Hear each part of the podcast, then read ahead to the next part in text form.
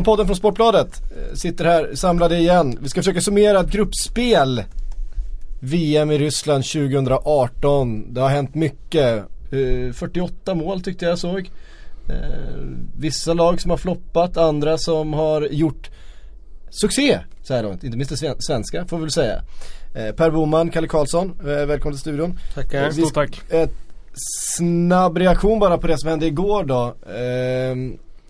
England-Belgien var inte mycket att hänga i granen. Det var ingen som ville vinna den matchen. Eh, vilken, vilken jävla parodi till tillställning i ett VM-sammanhang. Ja, det är tråkigt att det ska bli så att eh, man kommer till en slutomgång där lagen tjänar inom citationstecken på att förlora. Sen får vi ju se om det verkligen är så. Jag eh, är också inne på den där linjen att man det är vanskligt att börja planera tre, fyra steg framåt i tiden. För vi har sett vilka skrällar det har blivit i det här mästerskapet. Så det går inte att ta någonting för givet. Och liksom placera ut hela slutspelsträdet i framtiden. Men är det, är det specifikt tror ni, kvartsfinalsmotståndet som man tänker på är, är mer överkomligt på den här sidan? För jag menar, är man uppe i en semifinal så kommer det ju Ja det är just kvartsfinalen, det är faktiskt det är sant. Det är egentligen den enda matchen man kan säga att man kan få en enklare. Ja. Men jag håller med Kalle, man måste utgå från nästa match hela tiden. Ja, ja, och, får, och får man välja mellan Japan och Colombia där vi, så, så, så, så finns det inget annat än att välja Japan. Ja, även, för, även för de har övertygat eh,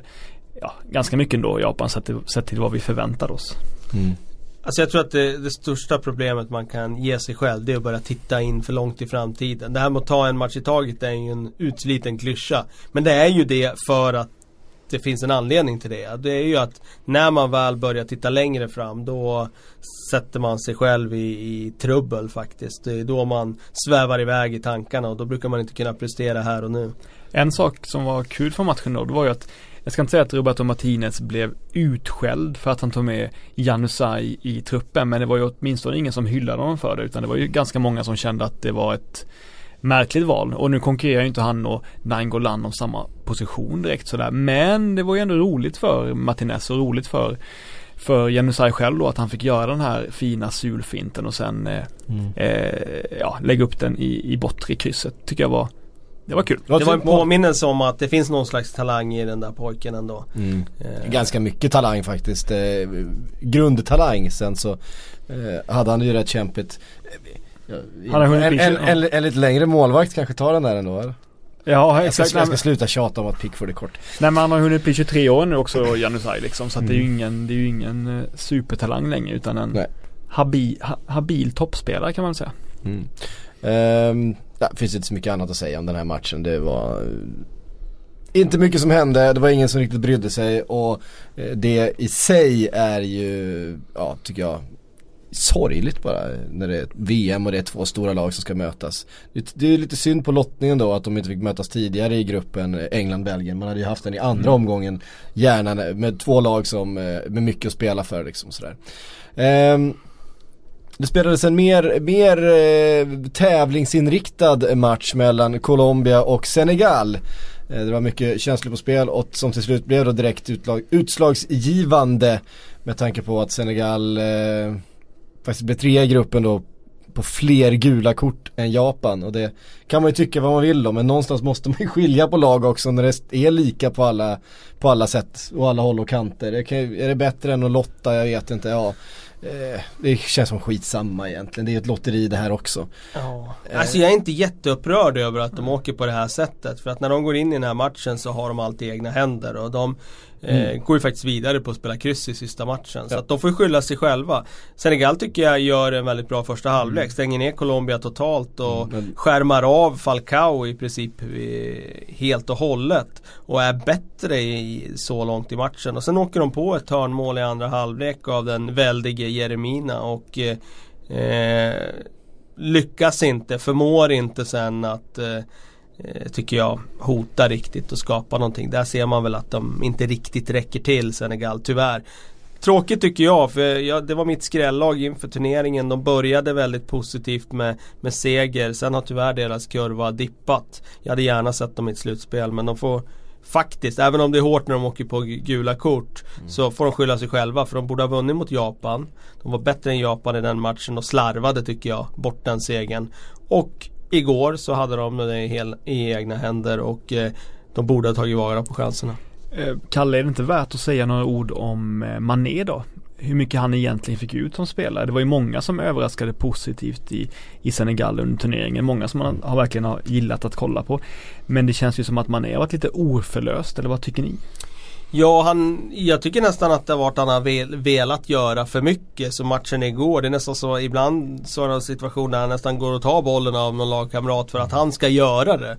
Eh, han har jobbat otroligt hårt i försvarsspelet och det ska han ha full credit för. Han har ju en otroligt viktig central roll i Senegal. Han, eh, han ska vara den stora stjärnan och han tar den rollen och han lägger ner ett stort arbete i defensiven. Men offensivt så har han kanske inte riktigt fått ut det som vi hade hoppats på. Att han skulle flyga fram i omställningarna och, och göra poäng i match efter match. Men eh, jag tycker han har varit okej okay, men det är klart att han har visat en dimension till i Liverpool. Mm. Oerhört nära att det blev straff också. Den, den eh, brytningen är, är millimeterprecision på. Eh, får ju straff först. Han får ju straff först. Efter, var, efter VAR-granskning ser man att han, han är på prick lite lite med hälen precis före han eh, Där låg de illa, var de illa ute i Colombia. Ehm, faktiskt, att, ja, det var så små marginaler som vi ofta härjar om i eh, den här eh, podcasten. Så eh, är det i alla fall och gruppspelet är färdigt, vi har fått våra åttondelsfinaler. Vi kan säga något ord om Japan där också och deras parodiavslutning. Ja det får vi också säga på tal om eh, parodiska avslut. Det blev ju faktiskt en eh, parodi faktiskt eh, i Japan-matchen där de ja, helt och hållet litade på att Senegal inte skulle göra mål de sista tio minuterna. Och jag kan bara känna att Nishino där, förbundskaptenen, alltså den kritiken mm. från hela fotbollsvärlden som han hade fått. Om Senegal hade petat in ett mål i slutminuterna. Jag kan inte komma på någon, liksom, det hade ju varit värre kritik mot honom än mot Joakim Löw och alla andra förbundskaptener i det här mästerskapet. Då har man alltså spelat av 12 minuter i en match utan att ens försöka göra mål. Och helt lita på att en match som man inte själv tittar på, inte har koll på, att det inte ska bli något mer mål i den. Ja nu går de vidare, alla är glada i Japan och ja, liksom han kommer undan med det. Men det var ju otroligt märkligt agerande. Samtidigt kan jag inte säga att det var helt fel heller. För att hade de gått fram, då hade det ju varit risk för att Polen hade gjort ett mål till.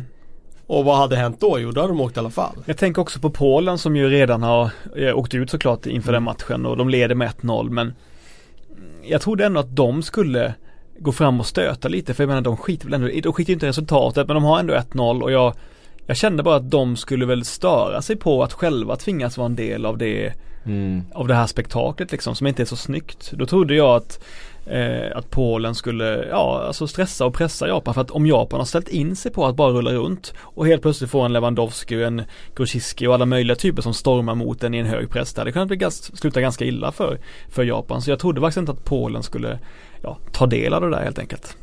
Nej, eh, annars var eh, behållningen igår, ni såg väl det efter, efter att Janosaj hade gjort målet där för Belgien, Batshuayi skulle fira på något sätt. En sån här klassiker, plockar upp bollen och ska eh, dundra in den i målet igen. Träffar stolpen och får bollen rätt i nyllet eh, själv. Eh, det var ganska kul. En annan sån stolpincident är ju Idrissa Ghana som man väl får säga, Evertons innermittfältare som mm. ju spelar i Senegal. Eh, när Mina nickar in bollen, det finns ett par roliga klipp på nätet när han står och verkligen lutar sig mot stolpen som eh, vore det en, liksom en busshållplats och inte alls beredd när, när Mina snickar in i mål. Det ser jäkligt dråpligt ut faktiskt. Kan ja. jag tipsa er om att kolla upp. Kan jag också tipsa om Michi Batshuayis tweet efter ja. att han eh, hade loggat in på Twitter efter att han hade gjort det här dråpliga eh, spektaklet där när han sköt i stolpen fick bollen i huvudet. Ah! I knew I would be fucked the minute I come to my mansions. Why I'm so stupid bro? Shit hurts. eh, 100 000 retweets. Mm. Men det, det, Han har ju självdistans med ja, den tweeten ja, får man ändå säga. Absolut. Det måste man ju hylla. Det finns ju, bara, det finns ju bara ett sätt att ta sig ur det här liksom när man har gjort bort sig så på, på världsscenen i en sån match som alla tittade på. Det är ju att bara äga den.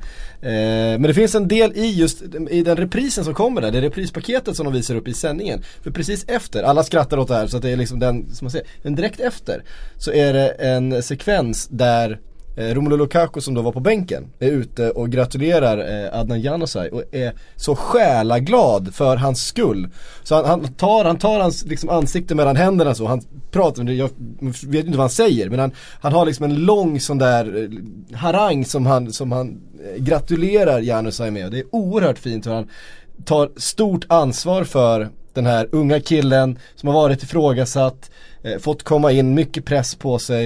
Eh, att han har den där rollen i laget. Vi, vi har ju läst den här historien och, och vi känner till Lukakos bakgrund och vi har också hört det från andra eh, lag, alltså medspelare till honom. Vi vet att Jonas Olsson från tiden i West Bromwich har oerhört mycket gott att säga om Lukaku och att han tyckte det var en, en av de mest intelligenta och fina spelarna som han har Eh, spelat med under åren där, eh, har han också sagt i intervjuer. Så man, man imponeras av Lukaku i den stunden när han ändå är den stora stjärnan. Han sitter på bänken i en match som inte betyder någonting. Egentligen kanske tränaren är arg på Janusaj för att han ändå har gjort det här liksom instinktivt som man gör som forward när läget dyker upp.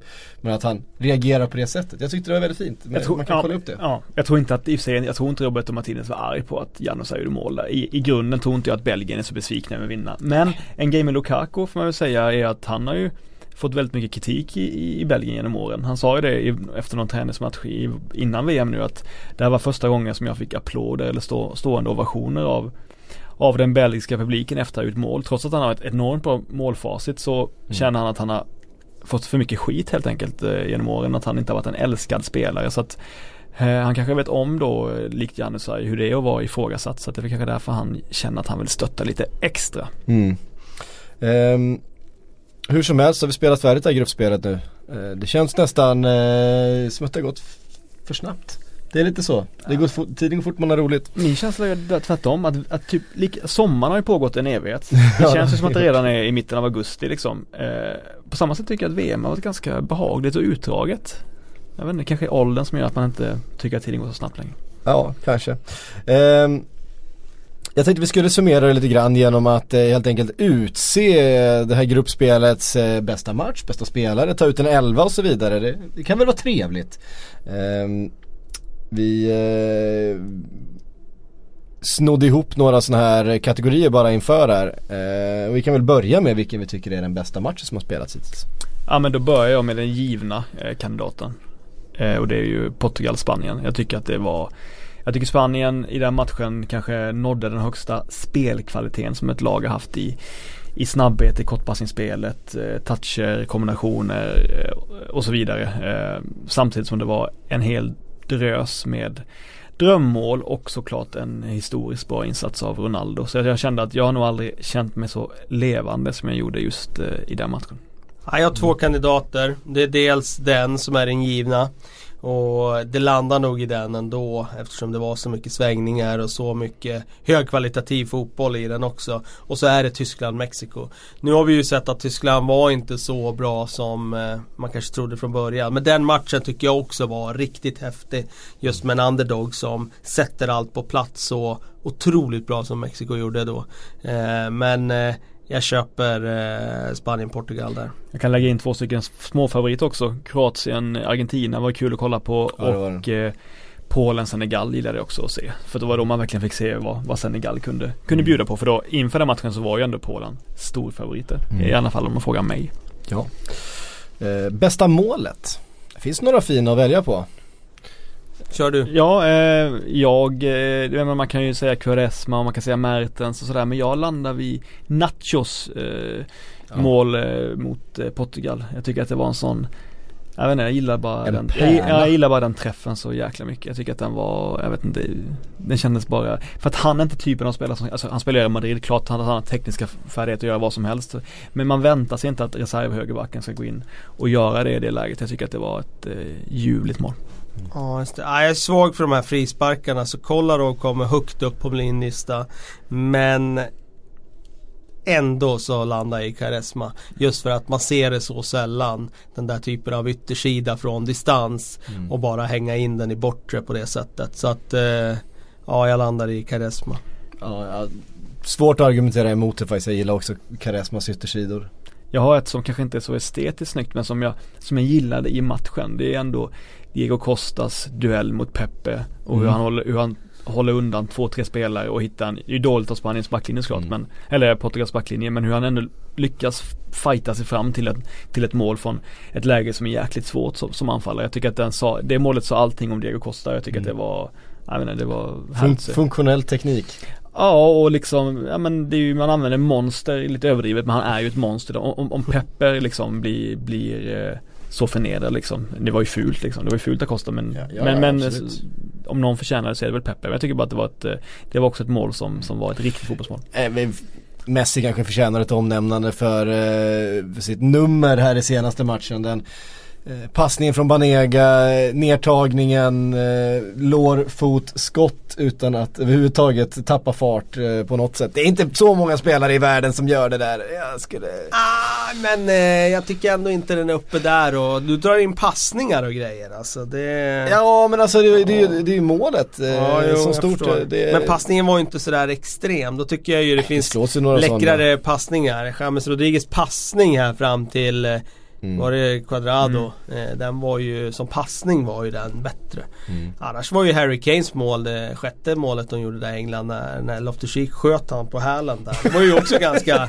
svårt att utföra. Viktor Claessons eh, passning är ju, är ju omöjlig att eh, efterlikna. Det är den. Ett annat också oväntat mål som jag tycker om är ju Marcus Rojos eh, mål mot Nigeria när den vänsterfotade Rojo smäller in en ganska, eller väldigt svår volley med högen. Jag var helt säker mm. på att det var någon helt annan spelare som gjorde det tills jag såg reprisen. Jag såg inte att det var Rojo som gjorde det för jag, ja, mm. jag trodde inte att han var, att han klarade av det helt enkelt.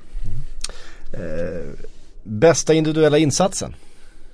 Ja, jag gjorde ju en lista på på Twitter kring det där och då landade jag i att Ronaldo har gjort den bästa individuella insatsen. Modric har jag som nummer två. Och eh, Ronaldo i den matchen, jag tror kanske några, där har gått ett par veckor sedan den här matchen Idag tänker att jo men han gjorde ju ett straffmål och det var en målvaktstavla av de Gea och så gjorde han det där fina frispelsmålet. Men man får inte glömma bort att han var otroligt bra spelmässigt i den här matchen. Eh, Spanien med all sin eh, höga press eh, sätter ju Portugal under tryck och då är det Ronaldo som har ett otroligt bra targetspel. Eh, otroligt bra kombinationsspel i första halvlek som gör att Portugal tar sig ur de situationerna. Så jag tyckte att han imponerade. Det var en komplett insats. Han imponerade med sitt targetspel, sin, sina beslut och sin spetskvalitet. Jag tror jag missuppfattade eh, kategorin lite så jag tog liksom den bästa spelaren i gruppspelet? Nej den kommer sen. Okej okay, då avvaktar jag mm. helt enkelt. Det får du göra. Mm. Eh, den bästa individuella insatsen. Men nu har vi nämnt en del offensiva förstås. Eh, Modric och, och, och, sådär men eh, en liten shout till Valon Berami för hans sätt att eh, plocka ner Neymar i, i eh, Brasilien-matchen. För att det var, det var ett, ett eh, det, var, det, var in, det var inte så vackert att se alltid men effektivt var det och sättet han eh, tog till alla, alla knep i den, den förbjudna boken. Eh, den barnförbjudna boken. Eh, för att få stopp på Neymar. Jag vet inte, jag tror det var 10 10 frisparkar på Neymar i den matchen. Eh, centralt och då fick och han ju inte alla. borde domaren ha tagit fler, då domaren borde ha tagit fram kort för då hade det inte blivit så många. Nej exakt. Alltså jag trodde ju att Bejami var lika slut som Gökan Inle liksom, som den generationen. Jag trodde, jag trodde inte att, att han hade det spelet i sig längre men mm. Chi fick jag. Jag gjorde ju en lista på Twitter här på de tio bästa som jag tyckte individuella insatserna och det var efter två spelade matcher i VM så det är mm. alltså inte den tredje omgången med. Men jag kan inte komma på att jag sett någon eh, insats i den tredje omgången som slår sig in här. Inte sådär nu som jag kommer på. Det var etta Ronaldo mot Spanien, tvåa Modric mot Argentina, trea Lozano mot Tyskland, fyra James Rodriguez mot Polen, femma Rakitic mot Argentina, sexa Ahmed Musa mot eh, Eh, Island, Eden Hazard mot Tunisien som sjua. José Jiménez mot Egypten som åtta. Nia Sherdan Shakiri mot Serbien. Och tia De Bruyne mot Tunisien. Den är ni, ni, ni, nio av tio offensiva. Ja precis, den jag ville ha in där det var ju Keilo Navas mot, mot Brasilien. Mm, för då tyckte jag han var fenomenal mellan stolparna. Mm. Och den var svår att rata. Sen fanns det ett par till som hade kunnat slagits in. Mm. Eh, bästa spelare... El Shenawi gjorde ju en jäkla match mellan stolparna eh, för Egypten där. Någon Chelchev och sådär då? Ah, jag tyckte inte de räckte till lite. Mm. Golovin tyckte jag var ja. hetare då i så fall. Ja, för dåligt motstånd var ju det de föll på. Eh, bästa spelaren i, i, i, gruppspelet då? Inte bara insatser utan spelare? Ja, alltså jag tar ju en spelare som ännu inte har ställts på så höga prov men som har varit eh, konstant, klart bäst i sitt lag och tycker jag då och den pådrivaren som det laget verkligen inte behöver kanske men som, som de har då och det är Diego Godin. Jag tycker ändå att han är, alltså jag, som sagt han har inte ställts på så jättehöga prov men han har varit sån jävla mästare i alla situationer som han har ställts för nästan hela tiden. Jag tycker han, jag tycker han gör rätt beslut nästan 95% av tillfällena och jag, jag vet att det är liksom det är inget hipsterval att komma med Godin nu tvärtom så är det nästan uttjatat. ja och lite hipster fortfarande, ja, exakt, lite hipster. Exakt, det är ändå en försvarare. Exakt, ja. exakt men jag, jag bara, jag bara liksom, jag minns matchen, eller minns, det var inte så länge sedan, men matchen mot Egypten när de inte har gjort målen och det är Godin som börjar likt Andreas Granqvist ta löpningar upp i banan till och med. Han, han vinner bollen, mm. fördelar vidare, kan snabbt, alltså jag har glömt bort att han att han liksom har lite speed i sig. Han kan trycka, trycka sig förbi två anfallare och öppna upp nya luckor för passningsspelet. Så jag tycker att han är, jag tycker att han har varit jävligt bra. Jag tar sett över tre matcher så tar jag Luka Modric. Jag tycker att han eh, eh, han är alltid bra. Eh, och han är, ju, han är ju aldrig lägre än en sjua egentligen i betyg. Eh, skala 1 till 10. Och han är ofta uppe på högre än så. Och hans insats i andra halvlek där mot Argentina det var ju 10 av 10. Så jag tycker väl att han är den som varit jämnast och eh, bäst. Eh, jag har också tyckt om eh, eh Isco jättemycket än så länge. Mm. Eh, jag tycker Spanien som sagt att alla offensiva spelare har varit bra och kul att kolla på dem. Men jag tycker att Isco har någon särskild tryck över sig som jag inte alltid ser annars liksom. Det känns som att det hela tiden händer någonting speciellt, någonting. Iniesta gör någonting bra kanske var tredje gång numera. Eller var fjärde gång. Jag tycker, jag tycker Isco gör någonting jätteintressant tre och fyra gånger han har bollen liksom. Sen är ju såklart Harry Kane. Mm. Får man inte glömma. Nej. Nu spelar han inte senaste matchen Nej, här men de blir... två första insatserna var imponerande. Mm. Eh, det är lite det jag känner till exempel med en Hazard också. Bara spelat två av de här tre matcherna. Det, det blir svårt att eh, hålla en sån över de som faktiskt har gjort tre bra matcher i rad. Eh, främsta genombrottet i, i det här VMet. Eh, ja. Har du någon Kalle? Ja, jag Lozano flera, man tänker Lozano på. slog ju igenom med dunder och brak i första matchen för den breda publiken. Eh, nu var han ju inte lika framgångsrik mot Sverige, tack och lov. Eh, så han har väl Hans stjärna har väl dalat lite nu de senaste två matcherna då. Även om eh, den där första matchen var en av de bästa insatserna jag sett i turneringen. Jag tycker Jeremina, mittbacken, mm. Colombia. Det är ett genombrott. Han var inte ordinarie i första matchen, han spelade inte då. Och spelade de två matcherna sen och gjort två mål. Han har gjort fem mål på sina 14 landskamper vilket är ett helt fenomenalt facit som försvarare. Och eh, han har ju redan skrivit på för Barcelona och eh, jag tror att det kommer vara en spelare vi kommer få se mycket av framöver i, i Barca-tröjan. Mm. Um, men den köper vi. Den köper vi. Nu kommer vi till uh, en kul kategori här. Största floppen. Som, alltså ja, det lag. Det lag. Ja men det Inte spela utan eh, Nu är det lag. Ja, det kommer men, till spela också. Ja men då får man ju säga såklart eh, eh, Tyskland. Sämsta, det måste ju bli det. Sämsta kollektiva prestationen som laget har gjort sedan 30-talet som vi alla känner till vid det här laget. Ja. Eh, och eh, nej, det är väl den här blandningen av för gott självförtroende, arrogans eh, slash eh, panik när man märker att det inte fungerar längre. Det var, det var tragiskt att se Tyskland eh, i år och eh, för min del totalt oväntat. Mm. Ja, eh, framförallt, eh, nu tittade jag ju på, på eh, Tyskland-Sydkorea i efterhand där och det var ju verkligen matchen då det Då det verkligen såg tragiskt ut. Det såg ju trögt ut mot Sverige och det såg förstås eh, förvirrat ut mot Mexiko och så vidare. Men, men mot eh, Korea när de bara skulle, när de hade det i egna händer och de skulle eh, liksom fått alla varningstecken liksom var där. De hade någonting att agera på. Ja då såg det faktiskt eh, riktigt, riktigt illa ut. Eh, Polen också. Ja, men eftersom det inte är på samma nej, planet nej, så är det nej. ändå ett eh, fiasko. Den här eviga eh, det här eviga laget som man alltid hoppas lite på och som man tänker att de känns ju ganska kompletta ändå och så vidare. Svåra att göra mål på eh, och så har de en av världens, kanske världens bästa center då på, på, på topp. Eh, renodlade center. Eh, så att eh, Ja, jättebesviken på, på Polen. Mm. Ehm, största floppspelaren? Thomas Müller. Jag är så besviken på Thomas Müller. Dels har jag ju satsat hårt på honom i, Sportbladets managerliga för att jag är en fotbolldeterminist helt enkelt. Jag tänker att det var givet att Thomas Müller skulle närma sig Klose i den totala VM-skytteligan genom alla tider. Jag var, jag var helt säker på att hur dålig han spelar så kommer han göra minst tre mål den här turneringen. Men han har ju varit, jag vet att han kommit tillbaka från en skada, han har haft en dålig säsong. Men jag trodde faktiskt att han var en jag vet inte, jag trodde, jag var idealist, jag trodde att han var en garanti i landslagsmiljön men jag tycker att han varit klart sämst i Tyskland och det säger inte lite med tanke på att även Boateng har varit så jävla dålig. Mm.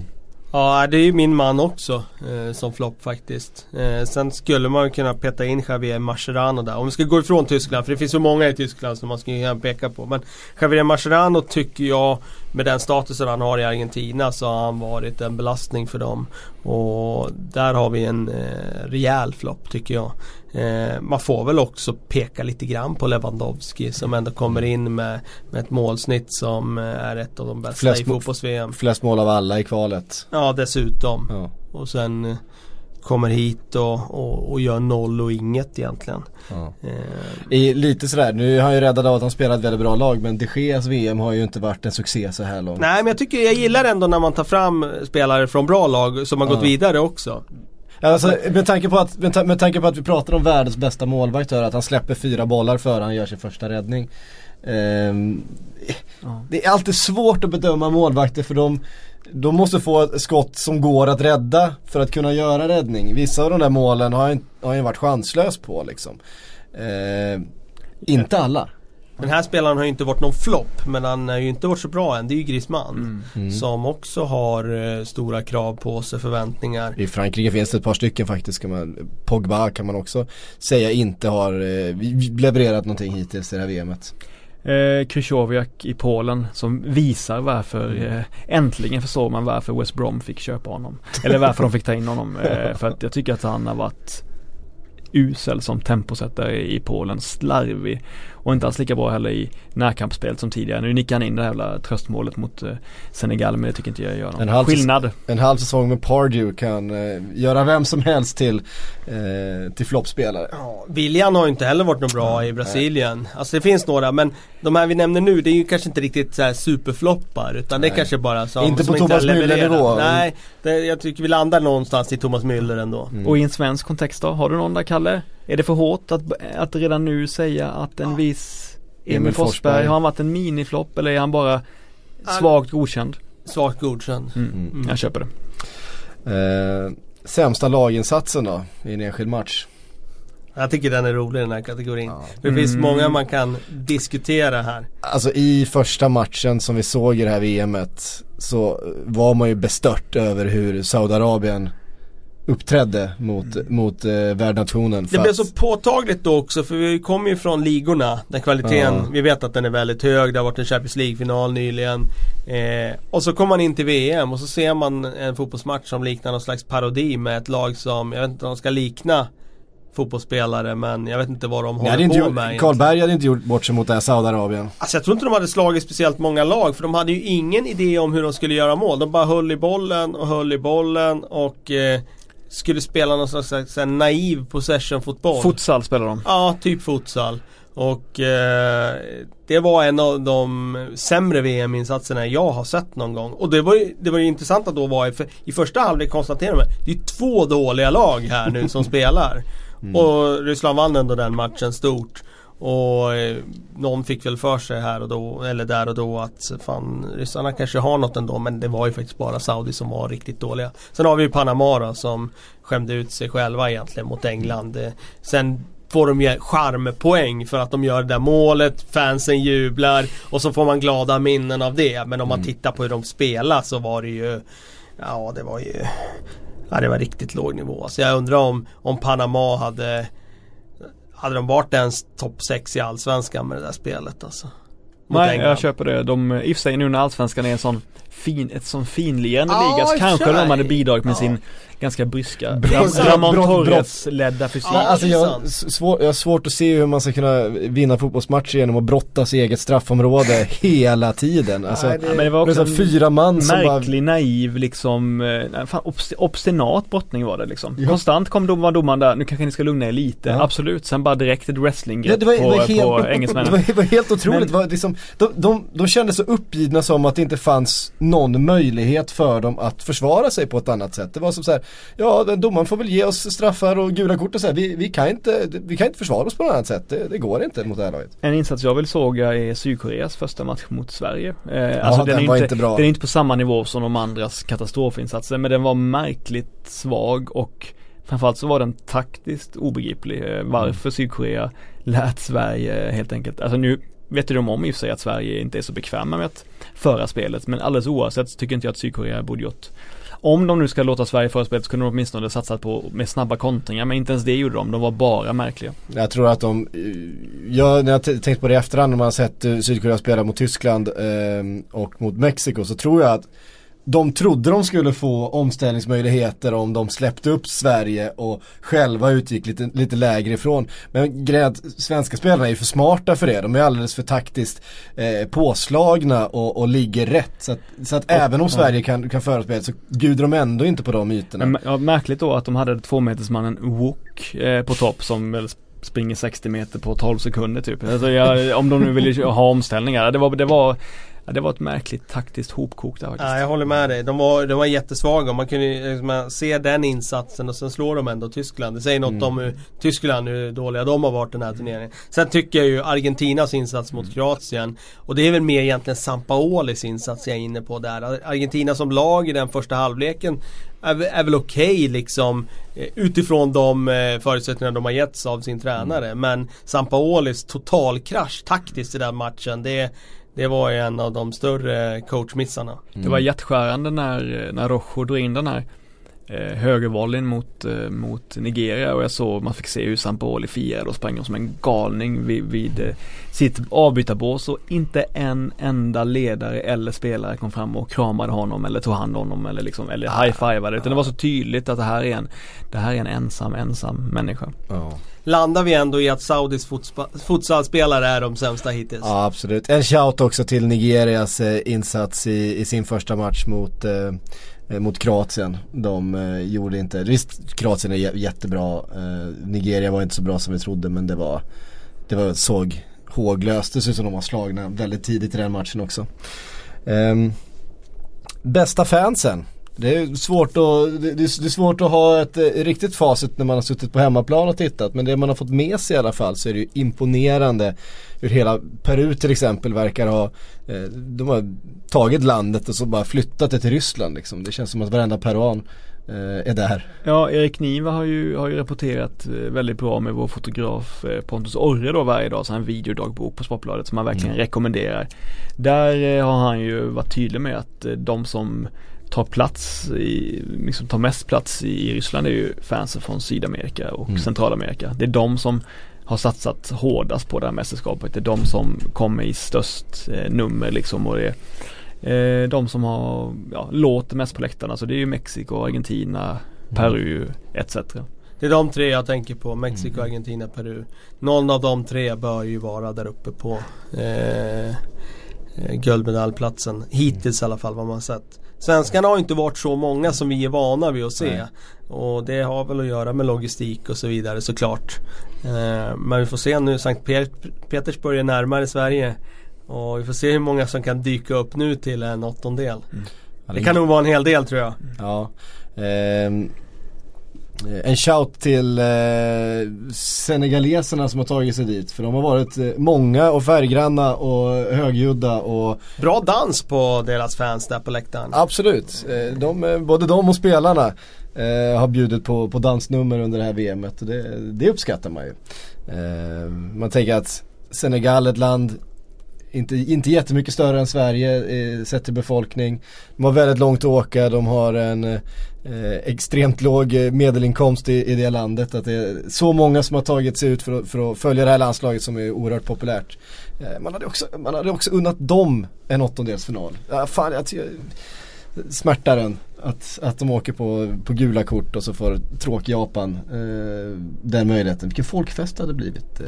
Ja, Japan är ju tråkiga för att man har man har haft med, med de här spelarna att göra, göra nu mm. liksom i, flera mästerskap i rad och man blir liksom inte exalterad av Honda eh, eller Hasebe längre. Alltså det finns ingenting spännande med Japan. Eller Japan Kagawa är, heller för den delen. Kagawa liksom. Japan är, får jag nog slå fast nu, det minst spännande laget i hela VM-slutspelet. Eh, ja, det kan jag med om. Eh, kanske tillsammans med, nej men jag säger Japan.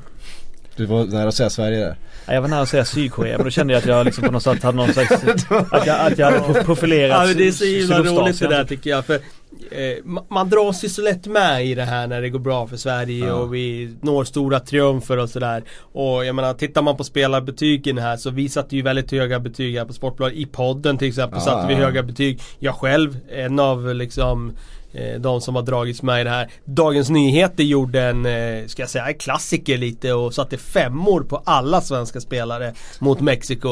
Eh, det tycker jag väl inte var riktigt kanske fingret i luften. Men det intressanta då är att man jämför med den utländska pressen, hur ja. de har bedömt de här matcherna. För dem är ju det här som vilken match som helst. De dras ju inte med i den här hysterin som är här i Sverige som vi känner och mm. bada i fontänen i Sergels torg och så vidare. Utan de kände ju mer Mexiko-Sverige, vilken usel fotbollstillställning det här var. Det var ju låga betyg rent över hela linjen egentligen. Och mm. de svenskar som, ja ah, Granqvist stack ut där liksom. Han får högt betyg. De andra svenskarna det är ju liksom, ja men Översatt till vår betygsskala det är två, tre år max liksom. Det är inte mer. Nej.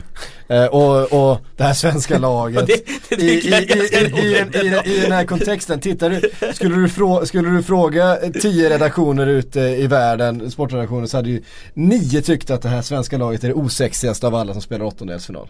Exakt, det är ju så men Det var ju någon som slog fast det, någon engelsman va? Var det, det var en kille på The Guardian, The Guardian, som sa att uh, Schweiz, uh, Sverige. Sverige var det sömnigaste skiten man kan tänka sig liksom. Ja, det, ja. Sämsta, ja, sämsta åttondelsfinalen någonsin och sådär. I VM-historia. Ja, ja, det, det håller jag ju inte med Ja, i Costa Rica, Grekland 2000 ja. Precis, det var, det var någon som kontrade med just Costa Rica, Grekland och då var det någon som var såhär, ja men det är på samma nivå liksom. Ja okej, okay. men sen hade vi väl Rumänien, Irland i VM 90 där, 0-0 straffar. Frankrike, Paraguay 98. Var inte det 1-0 sent, Lauren Blanc? Att det var, men då var det ändå hemmanation ja, Frankrike, och Frankrike ja, och, nej, jag, minns den, det som, jag minns det som en usel match i alla fall. Ja, usel match var det. Det, det var ju Frankrike mot Chilavert och det var ju en jäkla häftig grej. Så men, nej men alltså, det köper jag inte riktigt. Men alltså, inför så så... Hip, lågt hipstervärde. Ja, men då säger jag att det finns några som är sämre än den här. Och eh, att det Nej, skulle vara sämsta i VM-historien, det håller jag Jag har, jag har balans... Sverige, Sverige Saudiarabien 94 var nog inte jättemånga som Nej, Nej den, den precis, den skulle ju, jag, jag, tycker den är sämre än den här ja, Jag tycker ja. den är sämre Schweiz är ju underskattade, alltså Schweiz är ju ett bra mm. fotbollsland mm. Vilket den här The Guardian-journalisten uppenbarligen inte förstår mm. Nej. Och Sverige är ju Sverige. Mm. Alltså vi är ju, ja, men vi är ju som vi alltid ja, har varit. Men, det är, bara, det, det, men det, det, är kul att balansera bilden lite ja, grann och, och, och, jag gillar ju också att Sverige är laget som alla tycker alltså som ingen tycker om. Det finns, finns en tjusning förstås om man skulle vara laget som, ska man säga, det är så Colombia för fyra år sedan. Eh, som alla gillar. Som alla älskar liksom, eller som Island för två år sedan Portugal i EM 2000. EM. Alla så här rycks med, alltså du vet hela, hela fotbollsvärlden ska ryckas med i en saga. Det kan ju vara kul också, det vet jag inte om Sverige någonsin har varit det eh, landet. Det tror jag inte. Men det finns en oerhörd tjusning i att vara landet som alla tycker är skit. Men jag tänker, alltså är det Jag uppskattar det. Jag vet inte ifall, ifall Ja fast man vinner ändå matcher. Ja, men man vill ja, ju inte ja, vara, man, man vill inte vara sämst. Man vill ju inte vara Sverige i VM 90 eller Sverige i EM 2000. Grekland 94. Ja, det, det är ju det vi är.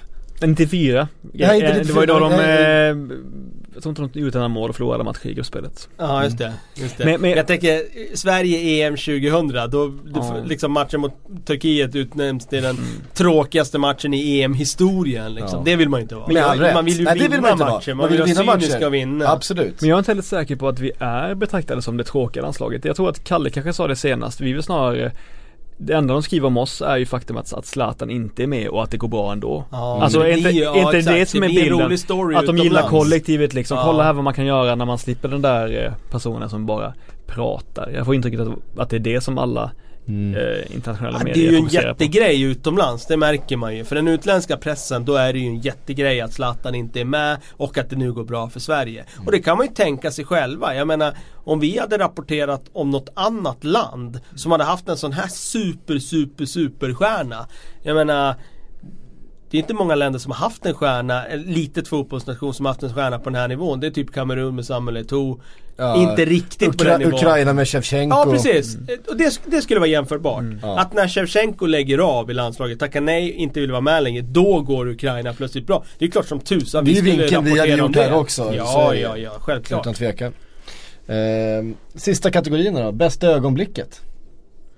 Ja, jag väljer ju att ta något som inte är då från fotbollsplanen utan eh, bästa ögonblicket för mig hittills under VM det var faktiskt när de mexikanska fansen i rent lyckorus eh, lyfter koreanska fans utanför arenan och hissar dem till himlen. Det tycker jag var fantastiska bilder som eh, också kapslar in den här känslan av hur eh, det är kast mellan eh, himmel och helvete i VM och ena stunden så är det eh, nattsvart och nästa sekund så kan man vara en vinnare igen. Och, eh, det är väl fantastiskt när det blir förbrödring på det sättet.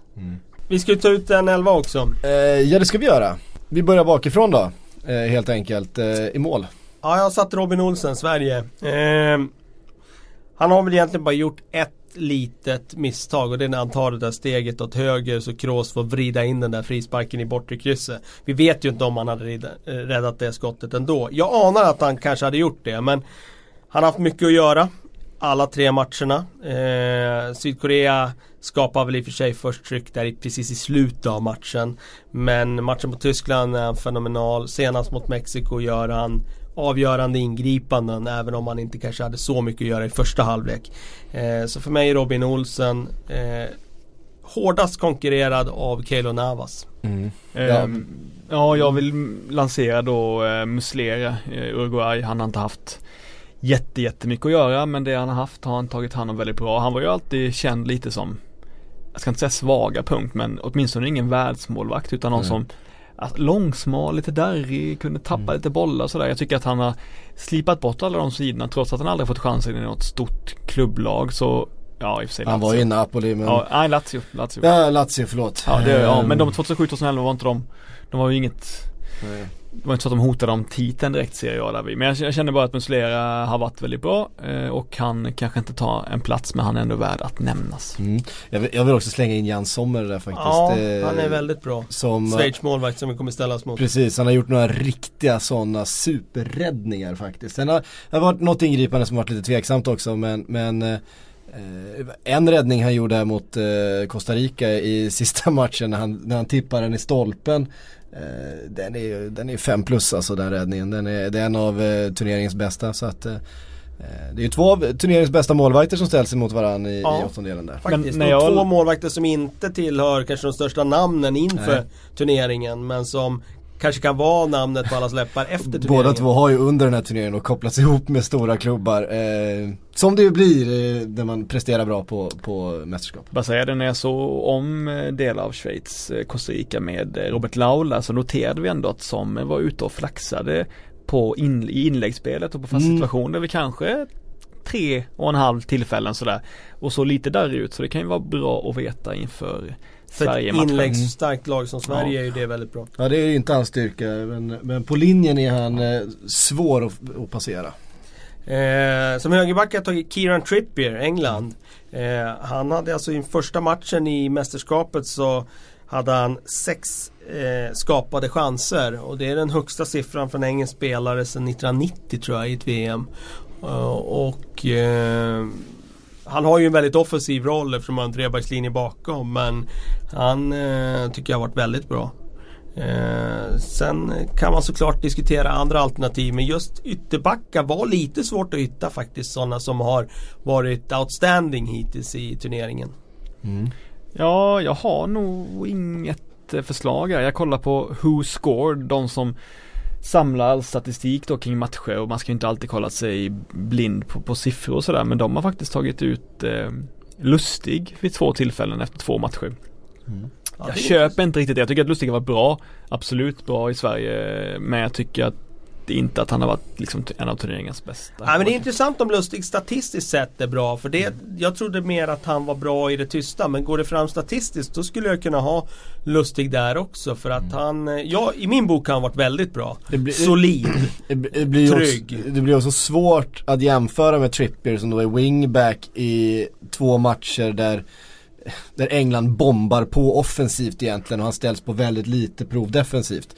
Eh, så att möjligheterna för honom att eh, producera målchanser och eh, slå mycket inlägg och så vidare, det, det rent taktiskt, det är ju också South, eh, eh, en av Southgates liksom, eh, modeller att anfalla på. Det är ju att Trippier som ju har ett av Eh, en av de bästa tillslagen, eh, eller inspelad på ett tillslag eh, faktiskt skulle jag vilja säga. Att, att gå via honom och nå Harry Kane den vägen.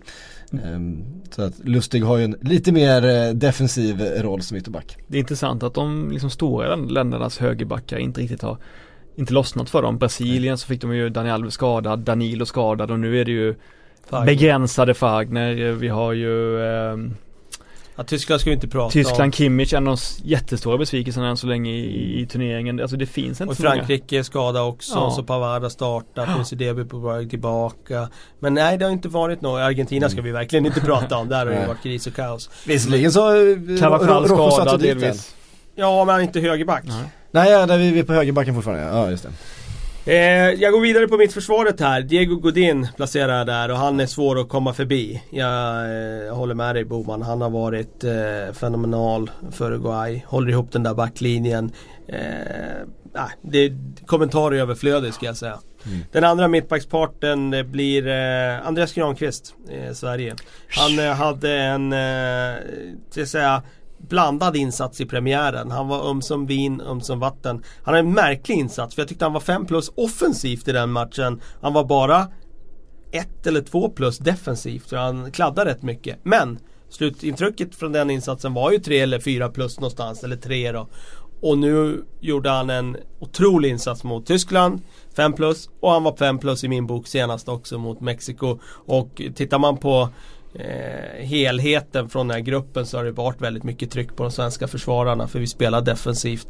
Så att jag tycker att han förtjänar att vara det. Fan är vi uppe i tre av fyra svenskar nu? Ja, du, näm du nämnde ju en... Ja, jag tog ju Kieran Trippier. Ja du tog så, Trippier ja. Så det är okay. två av fyra. Du nämnde ju en sån som Mina innan, eh, colombianen. Eh, att han har varit en positiv överraskning. Ja, var han, var han nära att hota överhuvudtaget? Nej jag tycker inte det. Eh, jag tycker inte det. Han har gjort två eh, fina nickmål men jag tycker inte eh, defensivt att eh, han eh, når upp till Godin och Granqvist. Den som jag har faktiskt varit förtjust i det här mästerskapet det är Vida i Kroatien. Mm. Jag tyck, det var för mig en spelare som jag inte hade järnkoll på. Jag tycker han har imponerat stort. Så han tycker jag eh, absolut hotar om en plats i det, i det här sällskapet. Hans enda svaghet är väl hans eh, frisyr då möjligen. Ja. Alltså, om, om, om, man nu ska liksom Väga in den, alltså, den, eh, alltså är, är, det jämnt, är, det, är det jämnt skägg mellan två spelare och den ena spelaren har den frisyren då, då, då blir det ju som det blir. Nej men vi kan ju nämna några fler innebackar då för det är fler som har varit bra mm. i mästerskapet. José Jiménez har ju också varit väldigt bra i, i Uruguay. Eh, Lindelöf. Ja, Lindelöf ska mm. ju absolut nämnas i alla fall mm. eh, i sällskapet. Dejan Lovren har väl mm. gjort en väldigt, väldigt fin turnering hittills. Ja. Eh, Danmarks mittbackar har ja, ju också varit bra. Verkligen. Mm. Eh, hade vi varit danska så tror jag helt säkert Vi hade hyllat dem. Ja, ja, precis. Så Christensen till exempel eller Kjär hade ju kunnat mm. varit med. Akanji tycker jag är jättefin i Schweiz. Mm. Eh, den som har imponerat på mig. Och varför inte en spelare som John Stones i England som ändå har varit framme och gjort offensiva bidrag och som dessutom har hållit ihop det bakåt på ett helt okej okay sätt. Så att eh, det finns några att slåss om här. Två som inte har övertygat är ju däremot eh, Ramos och Piqué. Eh, mm. De har ju egentligen varit de kanske två svagaste delarna av, av Spanien än så länge ja. och det är överraskande. Ja. Sett till att de ändå skyddas av eh, Sergio fortfarande ja. och har bra ytterbackar så tycker jag att deras kommunikation har varit lite halvsvajig och de har tagit ganska mycket Mm, de tar inte alltid det säkra beslutet som mittbackar heller och sådär. Kanske är att det fortfarande är en fnurra på tråden mellan de två herrarna angående och, och, Katalonien. Mm. Och sen har vi Hummels och Boateng som också har totalfloppat. Och då har vi alltså fyra av de liksom bästa mittbackarna i turneringen på förhand. Alla de har misslyckats. Och så tycker inte jag att Miranda heller ser sådär jäkla säker ut eh, alltid i, i Brasilien. Däremot Thiago Silva. Mm. Tycker jag eh, Ja han ska nog nämnas där uppe ah, jag, tycker, jag, jag, tycker att han gör en kanonturnering så här långt faktiskt. Han är deras klart bästa försvarare. Uh, igen, vi är ju vana vid att se honom som deras bästa spelare men alltså jag har haft, en, jag har haft en, en ganska nedåtgående kurva de senaste åren. Eh, och var ju inte alls självklar att starta ens eh, i det här mästerskapet. Men... Det är lite blågula glasögon såklart. Jag tror att hade man inte varit svensk och suttit här och gjort bedömningar så kanske man hade haft Thiago Silva i en sån här elva. Men mm. lite blågula får vi vara. Ja det får vi absolut vara. Vänsterback. Vänsterback den är Alexander svårast. Kolarov har jag tagit ut. Ja. Eh, och kommer inte vara med i slutspelet men han börjar turneringen med att vrida in en helt fenomenal frispark i krysset och eh, jag tycker han har varit bra för Serbien. Mm. Eh, så han får vänsterbacksplatsen. Där var det svårt faktiskt mm. tycker jag att hitta spelare. Mm. Ricardo Rodriguez tycker jag om i Schweiz. Men jag vet inte om han har nått den där riktigt höga höjden i turneringen för att vara med i ett sånt här sammanhang. Nå ja, några som verkligen har floppat är ju bland annat eh, Portugals eh, Guerreiro som ju var väldigt hypad för ja, 3-4 år sedan. Han blev ju fullständigt avklädd av Amrabat mot Marocko till exempel. Så ju, nej, han gick förbi varenda gång och jag tycker att han var direkt svag än så länge i mästerskapet liksom egentligen hela Portugals backlinje har ju sett svajig ut. Ehm. Kroatien Strinic har ju varit ja. bra också. Kunde absolut ha fått den här tröjan på vänsterbacken.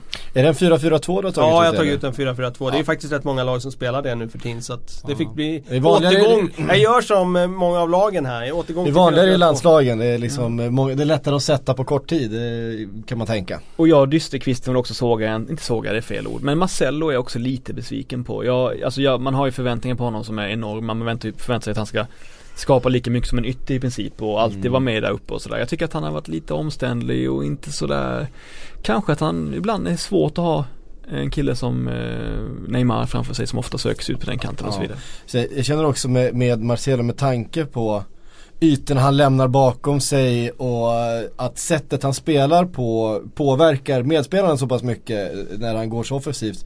Så när han inte bidrar med någonting offensivt, alltså när det inte blir några assist eller mål eller att han rör om så blir han nästan som en belastning även fast han gör bra matcher. Eh, att man tycker att han gör bra, man tycker att han lyckas med mycket grejer. Men när det inte blir några poäng eller det inte blir något resultat av det så, så blir det nästan en belastning även för han är bra. Eh, och det, det kan jag tycka är ett problem med Marcelo ibland. Mm. Eh, ja, vi går vidare upp på högerytter och där tycker jag väl att det är ett problem att de, många av de bästa de spelar till vänster faktiskt. Mm. Eh, och där är det ju väldigt hård konkurrens då till vänster, vi kommer till den sen. Men till höger, jag är ju strikt vid det där. Jag vill inte mm. hålla på att ta ut eh, vänsterspelare och plocka över dem till höger utan Titta på vem som har spelat till höger och då får vi titta på vem som varit bäst där. Jag har tagit ut Juan Cuadrado från Colombia. Eh, ingen eh, superinsats i första matchen. Eh, andra matchen är han en av de absolut bästa på planen. Eh, riktigt, riktigt bra. Och eh, nu i senaste matchen så ska jag säga att han gör en bra match men inget speciellt. Men eh, eh den där insatsen som man gör mot Polen när Colombia är sådär otroligt himmelsbra Eh, det, det räcker i min bok här för att det är inte jättehård konkurrens på just högerkanten. Men ni får gärna skjuta in förslag på högerkant. Ja, Cuadrado är han ju en oemotståndlig spelare också med den här lättheten i kroppen. Det är verkligen, man blir glad att se någon eh, eh, att någon, när någon bara kan studsa fram på det sättet och vara så oerhört snabb alltså. Mm.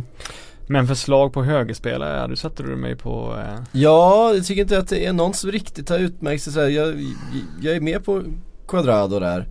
Um... Ja alltså, alltså då, oh, det alltså, finns inga riktiga sådär högerspelare som har utmärkt sig. Det är nej. fler till vänster. Ja, kollar, man, ja, kollar man på storlagen som Spanien och så vidare så är det ju vänsterkanten som har varit hetare. Mm. mm. Kollar man på Brasilien så är högerkanten i princip Iskall. eliminerad i ja. William och så vidare. Ja, och titta på, på Belgien, England då i den gruppen så Ja, Mertens är väl då ja, i så Mertens, fall. men eh, jag tyckte Quadrado var bättre än mm. Mertens så att jag valde bort honom. Mm. England har ju spelat med Sterling där och han har ju haft ganska svagt. Och han är ju mer forward egentligen Ja. i Englands system. Så jag, de har ju spelat utan den där yttrar. fem- 5-3-2 uppställningen blir svår Precis. att hitta en ytter. Det är ju Trippier igen då Ja liksom. exakt, de har ju bara en wingback egentligen Ja. Så jag har inte räknat Sterling som höger och jag tycker inte Ah, Han har, varit han har ju varit en av deras svagaste spelare faktiskt skulle jag Precis, vilja han har säga. inte varit bättre än eh, Eh, Centralt då? Ja, Luka Modric. Behöver Mm. inte säga något mer. Som sagt, jag tycker att han har varit gruppspelets bästa spelare totalt sett. Så att eh, för mig så, det, han är cementerad där. Eh, Jag tror inte någon har någon invändning där. Sen har jag satt Kevin De Bruyne eh, bredvid honom. Han har ju en lite mer defensiv roll i Belgien men eh, han har ju varit eh, oerhört bra hittills tycker jag. Och, eh, sådär matchavgörande aktioner. Eh, framspelningar och liksom där när matcherna ska avgöras då kommer han att vara kapabel till att göra de där små, små grejerna som får så stor betydelse. Den där förmågan att, att se att, att se en avgörande lösning när ingen annan ser den, när ingen är beredd på den. Att, att uppfatta en löpning långt bort och, och sen så ofta sätta den med precision som man gör. Det, det är en eh, extrem spetsegenskap han har faktiskt. Ja, Ja men jag köper ju de två, alltså namn som man kan nämna är väl Christian Eriksen som kanske inte har kommit upp tillräckligt Ja. högt vid, vid tillräckligt många tillfällen. Eh, Rakitic, Isco. Rakitic, Isco. Isco. Isco, utgår från vänster ju tyvärr. det, så att det, okej. det blir Mm. svårt och det, de, kör ju, de har ju kört ofta eh, Sergio Busquets och eh, Thiago. och de- Iniesta. Och Iniesta. Jag tycker inte Ja, någon av dem har varit Nej, sådär. precis. Eh, nej, Rakitic eh, var väl den som var närmast för, för min del här då. Att spela Kroatiens in i mitt fält rakt av. Men jag valde att ta in De Bruyne här i min elva. Sen till vänster då har jag valt Eden Hazard. Som jag tycker har varit eh, en av turneringens bästa spelare. Eh, jag ser honom som en möjlig faktiskt. Eh, jag tror, har en känsla av att Belgien kan gå långt. Eh, han kan kanske, kanske stå där som turneringens spelare om de har gått hela vägen till final och vunnit. Eh, gjort många poäng. Och eh, jag tror att han eh, kommer att ha kul här mot Japan i åttondelen. Ja, där har vi ju många alternativ Mm. då. Vi har Isco också till exempel som jag tycker varit jättebra. Eh, jag vet inte hur man ska räkna Coutinho, räknar man honom centralt? Ja, eller till centralt vänster? i den här Ja, turneringen. Ja, absolut. Då Då får kanske vi... han ska in i den diskussionen också där som vi var på nyss.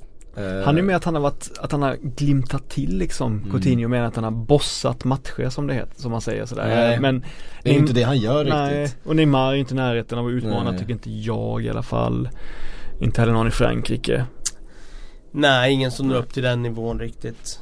Eh, så att nej, jag landar är- nog i är- Hazard. Ja, absolut. Och sen på topp då, då har jag två man där framme och det blir i första hand då blir det Cristiano Ronaldo. Mm. Eh, har ju en roll som forward nu, numera.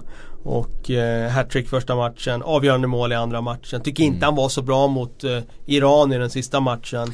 Men eh, de här två första Kunde, kunde, åkt på ett rött kort där dessutom. kunde ha fått ett rött kort om man haft lite otur. Jag tyckte det räckte med gult kort i och för sig. Men å andra sidan Två matchvinnande insatser. Eh, det räcker långt. Eh, så att eh, för mig Ronaldo. Och sen Harry Kane bredvid honom. Ja, jag är mer Lukaku-människa får jag nog säga. Ja, det... ja, jag köper det. Jag, jag vet ju att jag var tvungen att ställa en av de här tre utanför. Just. Och eh, Släng, jag valde... släng, släng in Diego Costa där också då. Ja, han- okej. Han var lite för svag mot, eh, ska vi se nu. Eh, Marocko. Ja, det tycker jag. Ja, Okej. Ehm, men jag, eh, ja, det, man det går inte att prata emot Kane men jag, och de har ju mött sa- samma lag så det går inte att säga att Lukaku har haft tuffare motstånd. Men det känns som att Lukaku har varit mer det känns som att mer rena frilägen liksom, mer en toppforwards Nej, avslut det var ju ingen, sådär det var ingen, det var om. ingen drömhattrick han gjorde Harry Kane. Det får man säga. Nej, det om man, var det Om man inte. nu ska räkna målen. Dock var han ju inblandad i flera engelska mål i den matchen. Ja, så så att, eh, det var inte bara det han gjorde. Men eh, väldigt avgörande i första matchen där, såklart. Eh, och jag tycker också att Harry Kane bidrar med mer än bara mål. Det gör ju Lukaku också. Men eh, ja, det var Ole Dole Doff och jag valde Harry Kane. Ja. Det man ofta underskattar lite med Harry Kane är hans långa spel, alltså hans långa bollar. När, när han droppar ner. Hans crossbollar är fantastiska alltså. Det är därför han ska slå eh, hörnorna. Ja. Precis, det var det Roy Hodgson tyckte. ja. Och nu har han varit inne på hörnorna och gör han mål hela tiden. Ja, precis. Ja, det är ju, han är ju lite en sån spelare som man gärna hade haft fler, fler av på planen samtidigt. Eh, Han kan ju göra så mycket. Alla man skickade in i straffområdet på en hörna hade gärna fått vara Harry Kane. Så det var väldigt oklart varför han skulle slå hörnorna back in the days. Ja, det var ett, ett av de märkligaste besluten eh, som man har sett faktiskt. Men eh, Roy Hodgson vet väl vad han gör. Kanske. Jag har sett att Gary Neville ofta får skit för det där. Eh, han var, satt ju på bänken där också. Ja han var ju, jag vet inte om han hade hand om fasta men åtminstone så Aha. vet jag att det, han, han, får ofta de tweetsen när han Aha. säger någonting i alla fall. Ja, glömmer du bort när du gjorde det där och så vidare. Ja det är mycket Aha, möjligt att han okay. hade ansvar för fasta situationer. Det kan ju mycket väl vara så. Eh, det är inget jag vet. Eh, tränare då Kalle? Förlåt? Har du tänkt på tränare? Förbundskapten? Eh, nej det har jag inte gjort. Eh, det borde jag ju kanske ha gjort i det här fallet och då drar jag en snabb eh, okulär mm. besiktning här. Jag har en omedelbart. Jag, ty jag tycker det är Gary Sa äh, Gareth Southgate som eh... Som lägger sig i sista matchen menar du? du menar han? Jag, jag menar han. Ja, eh, okay. Okay. ja men dels för att jag tycker att, att England är ett ganska spretigt lag men att han har eh, fått ihop ett spelsystem som får de här eh, lite udda delarna att faktiskt funka som ett lag tillsammans. För det tycker jag de gör. Eh, det är ju en, en lite så här awkward uppställning att spela 5-3-2. Det är inte så många som gör det. Eh, men att han har valt det tidigt, kört på det sättet att det är, det är de delarna som, som man har att jobba med.